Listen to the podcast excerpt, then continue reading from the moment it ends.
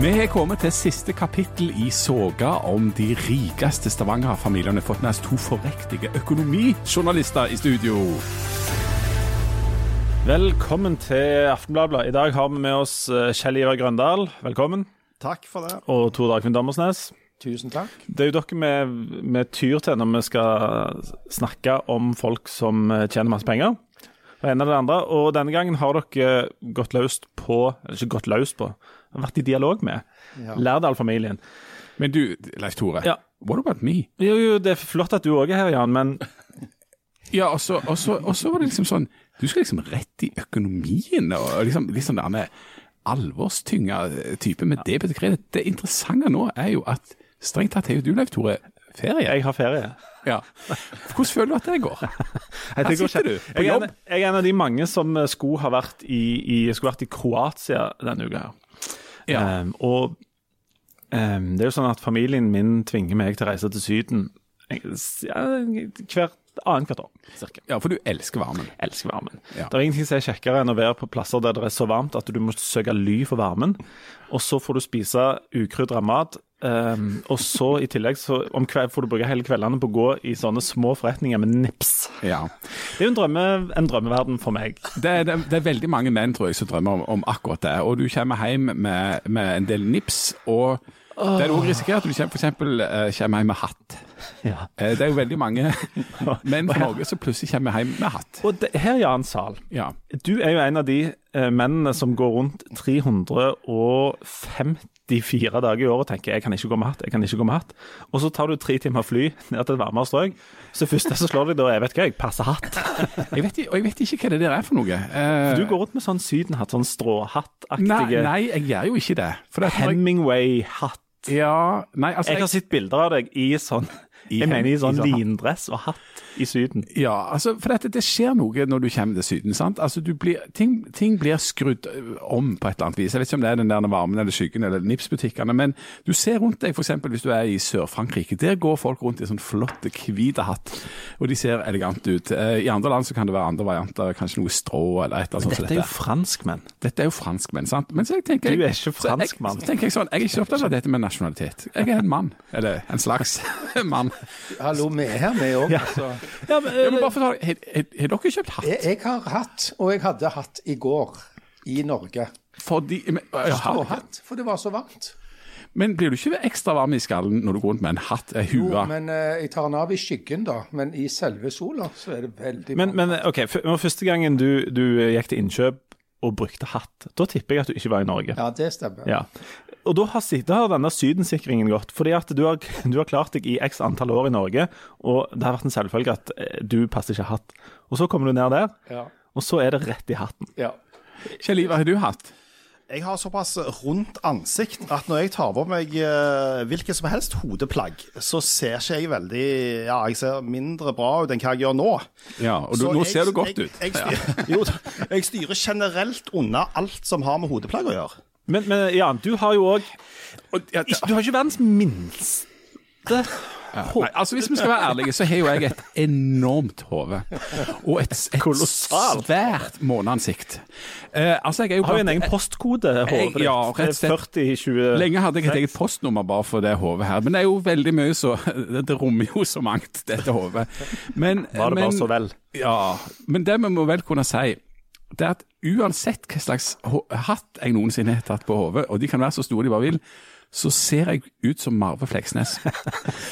Eh, altså, jeg er som, som, som, noe, som en sånn storhodet greie med en sånn bitte, bitte, bitte liten hatt på toppen, og det ser virkelig ikke godt ut.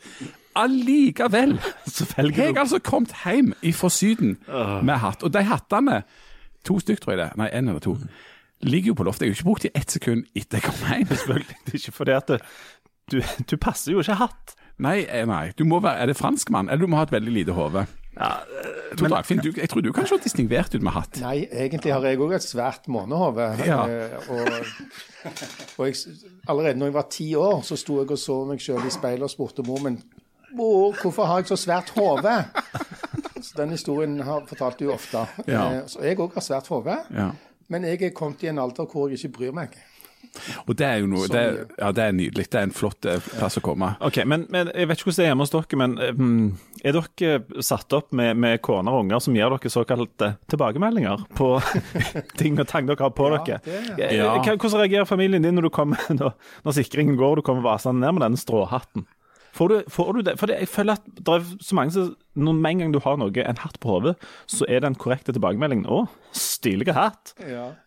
Selv om alle ser at hm, Det er ikke sånn. Ja, altså, det egner seg ikke for, for uh, publisering, egentlig, alle de tilbakemeldingene som jeg, får. Men som sagt, hvem bryr seg? Ja. Men du, Leif Tore Linde, du har jo et veldig lite hode. Og, og der går det jo ah, ganske lite hode. Ja, jeg, jeg har ikke sånn på en måte Fleksnes-hode sånn som du er satt Nei, opp med. Men altså, du er jo den eneste av oss som alltid går med noe Ja. på hodet. Nettopp det er det interessante. For du som sitter her nå og rakker ned på hatten, du går jo med hatt alltid, Nei. minus i dag. Jeg går med en såkalt cap. Er du, er Ja, og det er ikke hatt, fordi at den har bare en brem som peker framover skygge for sola. Men er dette for at du skal se tydeligere? Nei. er det? Dette er fordi at jeg har en Etter sedvane så tar jeg på meg de klærne som til enhver tid ligger enten rett ned forbi Det hender jo at kona mi glemmer å rydde klærne mine. jeg tar på meg de som ligger på sida av senga, eller de som ligger oppå ei hylle på badet, der jeg la de fra meg eh, i går. Og akkurat i dag har jeg jo ikke på meg denne capen. Caps. Jeg liker egentlig å si caps, Ja. men jeg vet at du, da begynner du med det der fungo-fungi. Ja, Eh, ja. ja. Um, og Fungus. og, og hvis, hvis, denne her, hvis dette hodeplagget da ble lagt rett på siden av senga eller oppå denne hylla i går, så tar jeg den på meg i dag. Men eh, mye kan tyde på at den ikke ble lagt der i går. Ergo jeg går uten. Ja. Da, Apropos Tore Lærdal. Altså, han Jeg ser ikke helt for meg med cap. Nei, men, men jeg sitter har sett den i hatt. Jeg mener òg jeg har sett den i Du, hatt. vi skal, vi skal, men nå skal vi rett over på Tordal. Jeg vil bare sende en beskjed hjem til daglig leder hjemme hos uh, Linda sine. Kan du være så snill og så skaffe deg en sånn stråhatt eller en sånn Panama-aktig hatt, og så legge den på siden av senga, eller på den hylla der Leif Tore Linde bare tar et eller annet bevisst og, og, og plasserer på hodet, og så gå ut i verden. For jeg har så voldsomt lyst til å se han begynne å gå med stråhatt. En siste liten anekdote. Uh, altså Ondskapens akse, som består av kona mi, mor mi og svigermor, uh, de uh, fant på et tidspunkt ut at de skulle prøve å få meg til å se stilig ut. Og Det førte blant annet til Og de, de har gjort mange hederlige forsøk. Um, det førte blant annet til at en av de, jeg husker ikke helt hvem, kom rennende med en sånn en sixpence til en bursdag. Åh, da er du kjørt der. Altså, Og ja. um, den ble da pakket opp, og så sto jeg og kikket på den sånn som du gjør med bursdagspresanger, og så sier du ja. Eh. Og så sier de ja, og, og det er, er så mange eh, sånne stilige eh, menn som går med sånn. Det er reaksjonen fra dattera mi var den korrekte, hun sa Eh, fordi at hun forsto at de ordene eh, sammen med meg ikke passet. Nå skal vi over på dagens tema. Du, vi må bare si, altså Sist gang så hadde vi jo, var det jo mye rolles i denne podkasten. Vi hadde med oss Hans Morten Hansen og Eh, Professor. professor eh, Janne. Janne Stigen Rangsholt. og det sklei litt ut. Men vi har jo lovt oss sjøl og alle de som hører på, at um, vi skal humre og le masse, men vi skal òg lære noen ting. Altså, mm, ja, rett og slett. Det er infotainment, dette her. Det er ikke bare tull.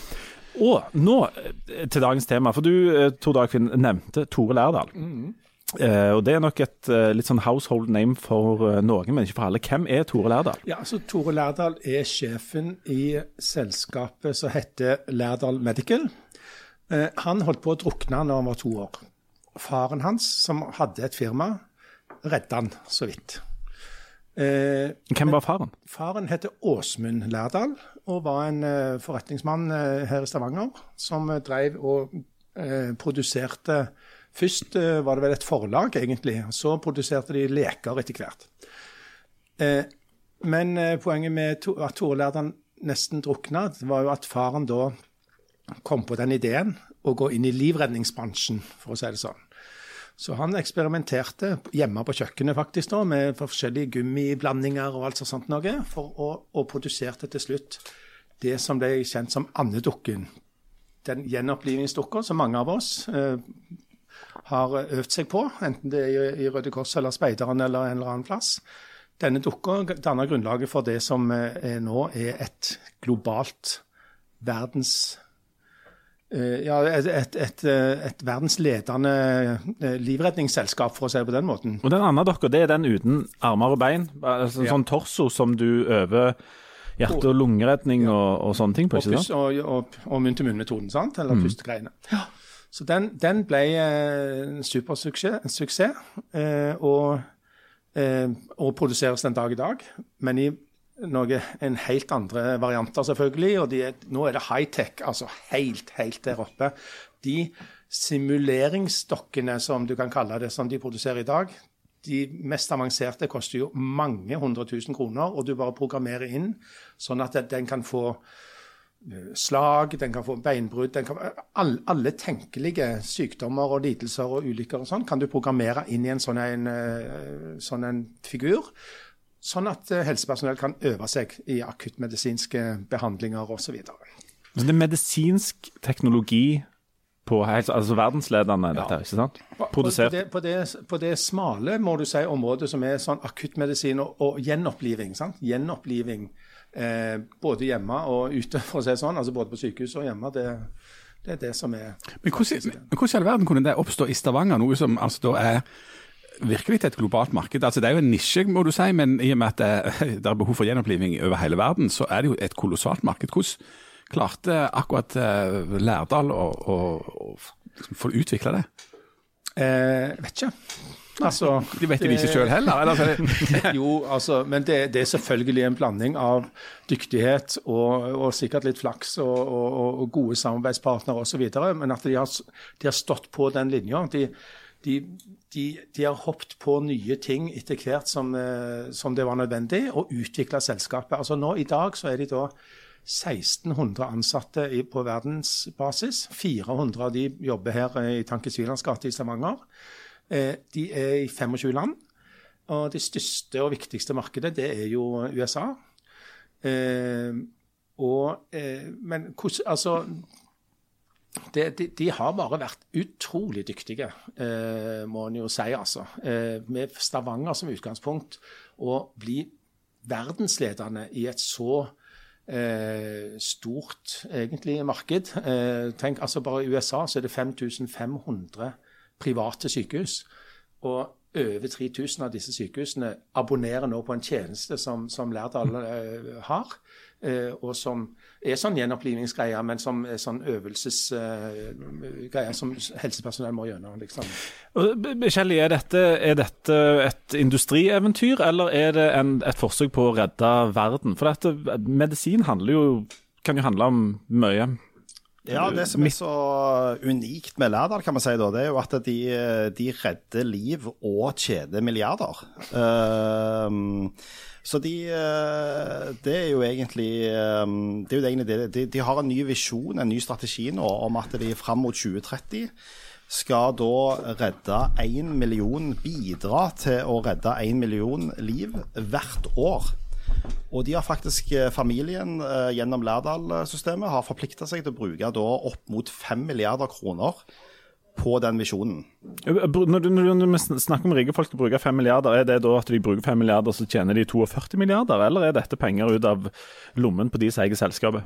Nei, det er det som er at de, de bruker 5 milliarder. uh, for, de skal forplikte seg til det, men samtidig så kan de skape verdier, mener de òg, for mellom 10 og 20 milliarder. Så dette er dette er money for mission, eller mission for money, alt etter som du ser på det. Men de trenger da penger inn for å gjøre denne, dette oppdraget som de har med å bidra til å redde liv. det, ja. Dette er jo en, en familie der det er enorme verdier, og som jobber voldsomt eh, på da.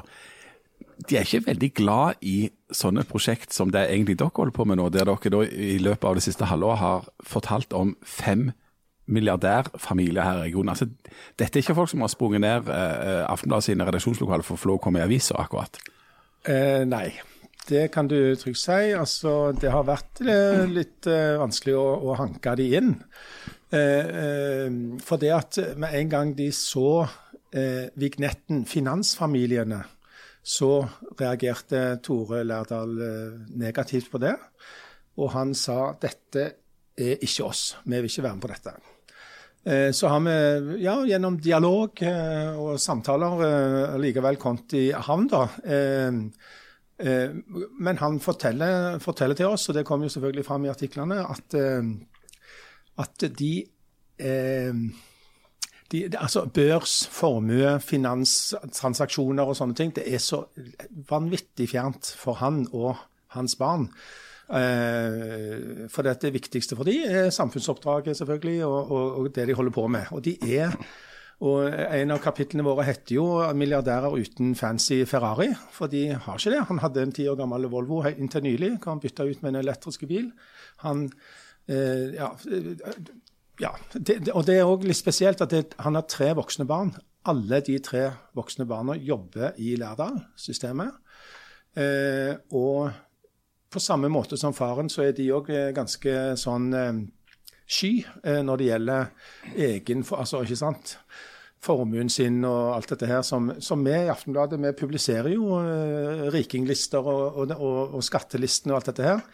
Og de gremmes jo hver gang. Men de, de liker det ikke. Men de, de, vi har likevel klart, og det er vi veldig fornøyd med, Kjelli og meg, at vi har fått, uh, fått til dette her sammen med de da. Men Vil det si at Lærdal-familien er er annerledes enn andre? Altså, for dette er jo en rik familie. Er de annerledes enn andre rike familier? De er iallfall ingen sånn klassisk milliardærfamilie. Og, og det, som de sier, du, vil aldri se noe utsvevende pengebruk hos oss. Så de er, det er liksom som du sier Det er, det er ikke sånn som Jan han går og kjøper hatter i Syden? At han nei, sant. Det, bare hei. Her er det, her er det vettig pengebruk. Um, som henger sammen med de verdiene familien har, og, og som har um, med dette oppdraget uh, som de egentlig har all fokus på. Uh, så de er en veldig, de er en veldig nedpå uh, milliardærfamilie. Uh, som selvfølgelig har, har midlene, men, men, de er ikke noe som, som De er ikke big spendere på, på noen som helst måte. Det har jo vært en krisevår for dem. Det har vært eh, en utrolig, og for, spesielt for Tore Lærdal da, Nå er vi i koronaland her. Nå er vi litt inn på koronaland, eh, fordi at eh, alt så kjempebra ut ved årsskiftet. De hadde lagt bak seg et utrolig bra år i fjor, eh, resultatmessig. Eh, så kommer koronaen, og den smellen, det var bare bang, altså. Rett inn i hjertet på, på, Anna Lærdal. For Lærdal Tenk, De har 800 selgere rundt omkring i verden som reiser rundt og skal selge produktene og, og, og abonnere på. ikke sant? Alle disse ble plassert bare hjemme. De kunne ikke ut og møte kundene sine lenger. Alt ble lamma. Tore Lærdal ble eh, rysta, eh, åpenbart. Han eh, så, så dukket denne ideen om disse nødrespiratorene, som dere kanskje har hørt om, eh, opp. Eh, ja, men Si, ja, si to om det, for plutselig var Tore Lærdal på Dagsrevyen med Erna Solberg. Ja, Altså, Det som skjedde da, det var at eh, eh, en, en, mann i Stavanger fikk ideen til at de skulle produsere en nødrespirator. Eh, siden det var på den tida, altså midt i mars, så var det jo eh, full krise når det gjaldt prognosene for eh, hvor mange av oss havna på sykehus og havna på intensiv og dette. Så fikk han ideen, tok kontakt med Forsvarets forskningsinstitutt, av alle ting, men eh, det var nå så. Og så Den ideen innbefatta denne eh, pusteballongen som Lærdal har produsert i mange mange år. Sånn at Dermed så ble Lærdal, tatt inn i, eller ble Lærdal bedt om å være med og produsere denne her nødrespiratoren. Han var i grunnen skeptisk i utgangspunktet, syntes ikke det var noen sånn eh, det viktigste, men OK. Så ble han involvert, og de, de utvikla dette her i løpet av veldig få uker. Eh, det var en konflikt der på gang med, med han, eh, han idémakeren, men, eh, men, det er nå så. Det er en liten sidesak i forhold til dette. Og De jobbet døgnet rundt, egentlig. Og Erna Solberg hadde veldig lyst til å komme med en positiv koronanyhet.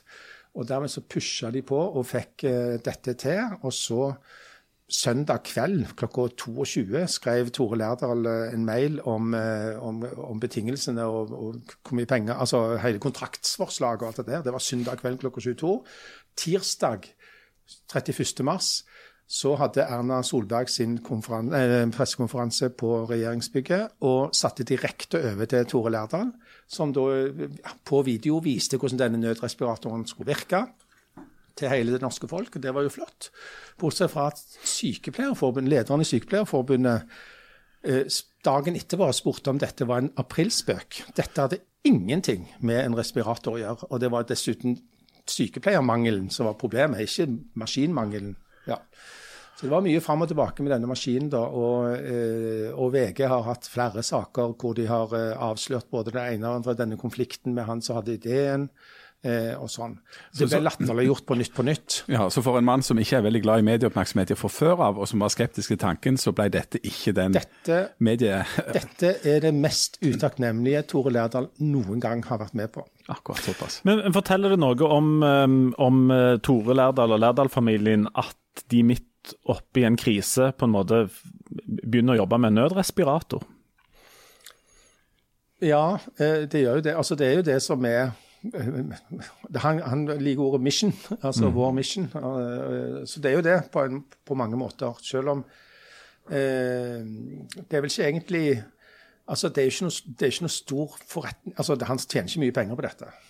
Men han tjener en del penger på, på, på andre ting. Hvor, hvor, mye, hvor, mye, penger er det i på en måte Lærdal-systemet og i Lærdal-familien?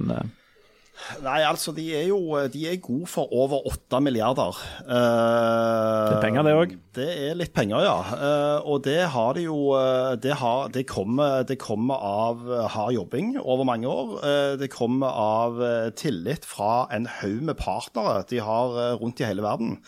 De samarbeider med enormt mange. De samarbeider med Altså, de, de samarbeider med FN, de samarbeider med Bill Gates. De samarbeider med en haug med topper rundt forbi hele verden. Eh, og har et nettverk internasjonalt som, eh, som ingen andre eh, store bedrifter i Stavanger har, tror jeg.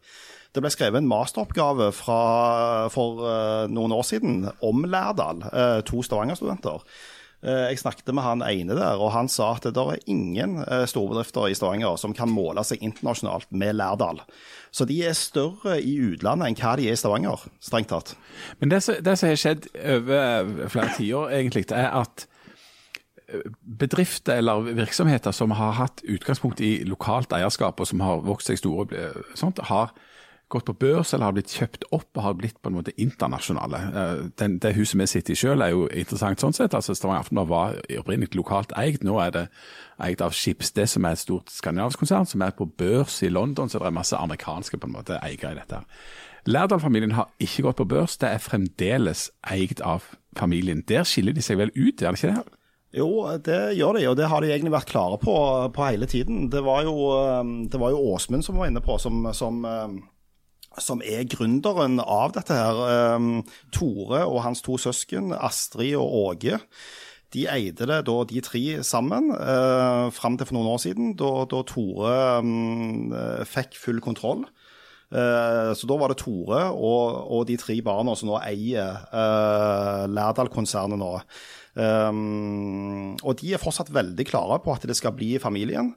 I det intervjuet som, som kommer nå, der har vi snakket med tredje generasjon, altså barna til, til Tore, um, som, som, eier 23,3% hver.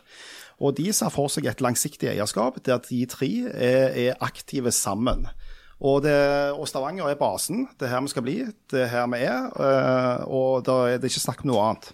Men hvorfor, hvorfor, går de ikke på børs? Hvorfor selger de seg ikke ut, eller slipper inn andre? Nei, altså, Tore Lærdal sin forklaring er jo eh, egentlig at de vil pløye overskuddet tilbake til bedriften. Altså, de vil, eh, Der er han klar. altså Andre store selskaper gir jo utbytte til eierne sine. ikke sant? Og, og, de gir utbytte på kanskje 30 Han sier 30-50 Det er jo utrolig uvanlig. Da, men, da, da har du et friskt selskap. Ja, men, men der er, der er, du skal ha et, eh, i et vanlig, ordinært, og iallfall et børsnotert selskap, så skal du ha utbytter. Eh, det har de mm. her eh, han om, og pleier alt tilbake igjen. Og det er det han denne, dette tallet på 8,4 milliarder, er det det? Ja, 8,2 tror jeg det, det, det, er da en tenkt eh, verdi hvis selskapet blir solgt på børs. ikke sant? Og det er jo helt utenkelig for disse folka å gjøre. Eh, og dermed så syns de at det er litt sånn kunstig. Men, men det er reelt. Det er så store verdier i selskapet. Men, men er, når vi snakker om hvor, hvor, rike både de og andre er, så er det, er det en sånn et, et sånn teoretisk regnestykke om at hvis de hadde kvitta seg med mm. på en måte alt de hadde, og fått i hundrelapper, så ja. kunne vi vært i nærheten av noe sånt. Ja. Men den, denne her tanken om at, um, om at de har et, et sånn samfunnsoppdrag altså Vi snakker jo om Det som dere har gjort, er jo og tufta i en sånn samfunnsoppdrag så pressen skal liksom belyse og undersøke bl.a. økonomiske forhold i samfunnet.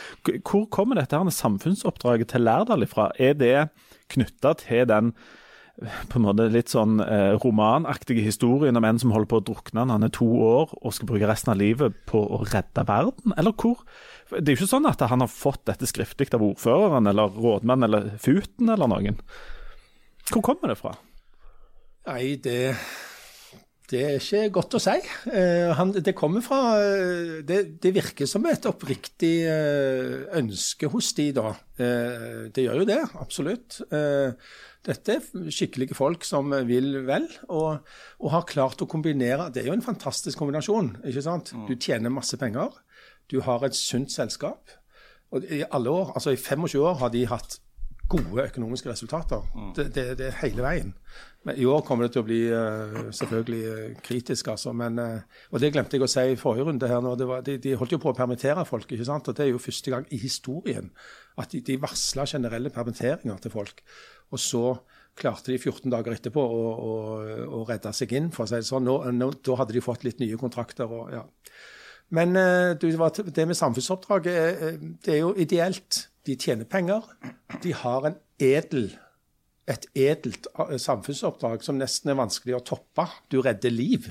Ja, det er jo litt sånn untouchable på et vis. Ja, de gjør jo det.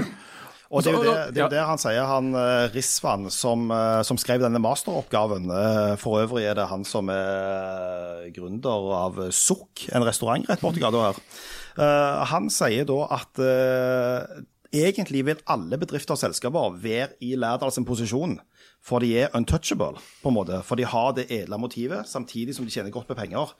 Så den, eh, den, eh, den, det businesskonseptet der, det er det jo ikke så mange som slår. Men, men hvordan, at, hvordan er det som, sånn journalistisk å jobbe med det? For at Mye av den der journalistiske logikken som sikkert er noe av det som gjør at uh, han Tore Lærdal ikke er så glad i oppmerksomhet, det er jo at det, ja, det er jo masse penger her, og det er makt, og det er finans, og det, det er det noe slags akrobatikk, og er det noe sånn Nesten som om det skulle være sånn suspekt med at folk tjener penger. Ja, kan det være bare sånn edelmotivert, eller er det et eller annet sånt? Eh, Og Særlig det der elementet med at ja, her har du masse syke, og så har du noen som tjener penger på det. Altså Det er på en måte Ja, ja, for, for hvordan, hvordan er det da å jobbe journalistisk med det? Hadde dere liksom håpet eller trodd eller tenkt at det, ja, det er et eller annet sånn dere kan avsløre, eller er det sånn eh, solskinnshistorie? Her redder de liv, og de tjener penger, og det liksom er solid, og alt er bare kjempefint. Det høres, det er en fin historie, men det er litt sånn eh, For godt til å være sant. For godt til å være sant, nesten. ja, ja, ja. Altså, men vi jobbet jo veldig mye med denne nødrespiratoren og var på avslørende ting der, for å si det på den måten. Fordi at han f.eks. ikke ville fortelle offentlig hva, hva prisen var på disse, hva kontrakten egentlig var. Eh, og vi forsto jo det at her skjedde ting utrolig fort. Eh, myndighetene ville ha dette på plass med en gang. Erna Solberg ringer, liksom, og alt dette her. Eh, og der, eh, der var vi liksom Der måtte vi gå helt til topps i Helsedepartementet for å få vite prisen på disse nødrespiratorene. Men vi tror han jo når han sier at det er normal margin. Altså Han tjener helt normalt på det. Eh, og det er jo det er utvilsomt sant at det, akkurat det er jo en ganske liten kontrakt. Når du har en eh, omsetning på 3,7 milliarder kroner, så er jo 60 millioner Det er mye for meg og deg, men det er lite for, for de. Men eh, Men Vi har snakket litt om det før, det der med hvor mye snusk og, og, og, og, juks og fanteri som finnes eh, blant disse store selskapene og de store familiene som vi nå har eh, skrevet om og vært borti. Eh, jeg tror det er mye mer snusk og fanteri i, i, i, i- avdelingen under der igjen, altså, for å si det sånn. Mindre selskaper. Disse her er utrolig opptatt av eh, av at ting skal skje på riktige måter. De er utsatt, de, de, og det vet de.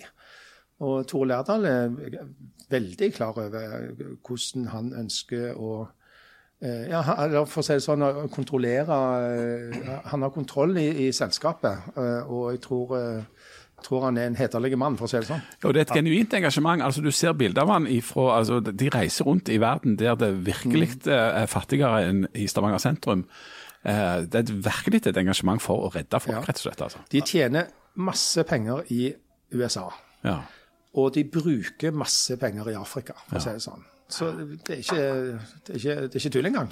Altså, Tore Lærdal sier jo det. Han har jo reist rundt i, i over 40 år nå, og han har sett uh, nyfødte dø uh, rett foran seg. Og han mener at mange av de uh, dør rett foran han fordi at det er små ting der som egentlig kunne redde den babyen. Og det gjør noe med deg, sier han. og det har han på mange måter overført til, til barna òg. Så det har, blitt, det har blitt en sånn en gjennomført, gjennomsyra verdi i familien. Eh, barna sier at de har jo fått De vet jo ikke om noe annet. De har fått dette opp med, med middagsbordet og, og, gjennom å jobbe i bedriften. Og alle de her har bare jobba der i alle år. Utenom han Jon Aasmund, som var ett år i et uh, finansieringsselskap i, i Oslo. Mm. Så har alle de tre ungene vært i Lærdal hele sin yrkeskarriere. De har hatt operasjonsdagsvakt der, de har hatt sommerjobbene der. Så de har fått inn de òg, og, og, de har sett akkurat det samme, reist rundt med faren og fått akkurat de samme opplevelsene som, som sier at det stikker dypt hos de. Men når vi er liksom tilbake på det med journalistikken og at vi ønsker, altså Alle journalister ønsker selvfølgelig å finne noe. Det er jo det som litt som driver oss. Vi skal undersøke, vi skal finne noe. Men, men Lærdal er bunnsolid. Smevik er bunnsolid. Alle disse store selskapene er bunnsolide. Men det du kan ehm, Jeg tror det handler mye om nettverket der er det nok noe Altså, de, de, har et nettverk, disse store her, som gjør at de er litt sånn Altså, har du et stort og bredt, godt nok nettverk, så, så kommer du langt med det. For det, da er det gjerne ikke noen andre som kommer inn i det nettverket. Så det, akkurat det nettverksspillet, det syns jo jeg er interessant å se på. For der har jo Lærdal utrolig stort nettverk. Og det hindrer gjerne andre fra å komme inn på samme måte som Lærdal, som allerede er i et stort nettverk. Og Du Jan, som er en stor tilhenger av det kapitalistiske systemet, du, du, er jo nok en av de som eh, tenker at hvis, hvis, det skal redde verden, så må noen tjene penger på det. Ikke sant? Hvis jo, vi skal ja, få grønn ja, altså. energi, så må noen tjene penger på det. Hvis uh, vi skal kurere sykdommer, får ikke kurert en drit hvis ikke noen tjener penger på det. Ja, nei, Det tror jeg helt absolutt. Altså, du, du, det, må være en, det må være insentiv for at noen skal lage et eller annet. og Det insentivet kan gjerne være at du skal redde liv, men du får ikke det til hvis du ikke tjener noen penger som du kan utvikle noe som kan redde deg livet med. Det mm. tror jeg omtrent det Tore Lærdal og de òg sier i den mm. artikkelen, som altså kommer til helga i aften. Mm. Ja. Men, men, men litt sånn avslutningsvis, hva har alt dette med Michael Jackson å gjøre? Ja, altså Michael Jackson. Det, det kom jo fram i en TV-dokumentar for noen år siden at uh, selveste Michael Jackson uh, da synger om uh, andedukken, denne livredningsdukken. det er vel noe sånn som Annie Annie, can you hear me or help me, eller noe i den duren. På Bad. ja, på Bad, ja. Smooth, smooth Criminal. Smooth Criminal. Ja, ja Smooth ja. Criminal. Fra, og det er vel på slutten av 80-tallet, tror jeg. Mm. Uh, og der, eh, der, kommer det da fram at han har hatt eh, både ett og to sånne hjerte- og uh, lungeredningskurs. Um, og at han synger da om denne Rescue Anne, uh, som er stor i USA. og faktisk vie deler av teksten til dette her. Um, og det er, jo, det er jo stas for, for Tore Lærdal og og Lærdal-konsernet. Og de har uh, brukt denne her internt i uh, diverse sosiale sammenhenger, som man sier. Annie are you okay? Annie are you okay, var det, ja. Der er vi, ja. ja. Nei, så den Jeg tror ikke jeg skal prøve noe på synginga. Kan ikke du ta den der den, Er det det au? Vi hadde vel en lokal versjon sånn av uh, Smooth Criminal for noen år siden som heter uh, Smidig kriminell. Smyger eh, Danny, Danny er så myk. Han smyger Danny. Ja, den var jo Tatt opp med en fantastisk musikkvideo med en kar som går rundt og smyger, eh, blant annet. Rundt og smyger og smyger og smyger. og smyger. Jeg likte det veldig godt, jeg. Ja, ikke sant. Det, den, den, den, kjempe, den kjempesang. Um, jeg tror vi skal, uh, vi skal begynne å, å, runde av. Det er så godt i været ute at jeg vurderer selvfølgelig gå ut og ikle meg en hatt. Ja. Men, det, men, det, alle lurer på er, har du vært i Stampen nå når det har vært Hold kjeften med den der Stampen. Uh, altså For eventuelt nye seere så ble jeg um, På et eller annet tidspunkt så ble det bestemt hjemme at jeg ønsket meg en sånn oppblåsbart boblebad til 40-årsdagen min. Han liker ikke å bade. Han Nei. liker ikke å bade. Uh, jeg liker ikke når det blir for varmt i vannet. Uh, eller, uh, og, og den er montert ned på hytta der du egentlig er på ferie nå. For å gjøre vondt verre, så fant jeg et bitte, lite hull i den unna. Sånn at uh, jeg uh, Å, tenkte jeg mulig kan jeg kvitte meg med den og sende den tilbake. Så jeg sendte et e-brev til, til de som har eh, utstyrt meg med denne Stamp stampen. AS. Sa jeg at det er, hull i driten her, så uh, dette, dette går ikke. Så sa de at det beklagte de voldsomt. Så sendte de en til. Nei, har du to stamper nå? Så du sitter på to sånne. Ja, Så nå blir jeg hjemme og én på hytta, Det er det jeg har. Så jeg blir ikke, eh, altså, Det er jo strålende strålende. blir ikke kvitt driten. Sommeren er redda. Ja. Så hvis dere ser en litt livstrøtt person i en litt stor stråhatt svettende oppi en sånn stamp, så er det. Leif Tore Linde. All right.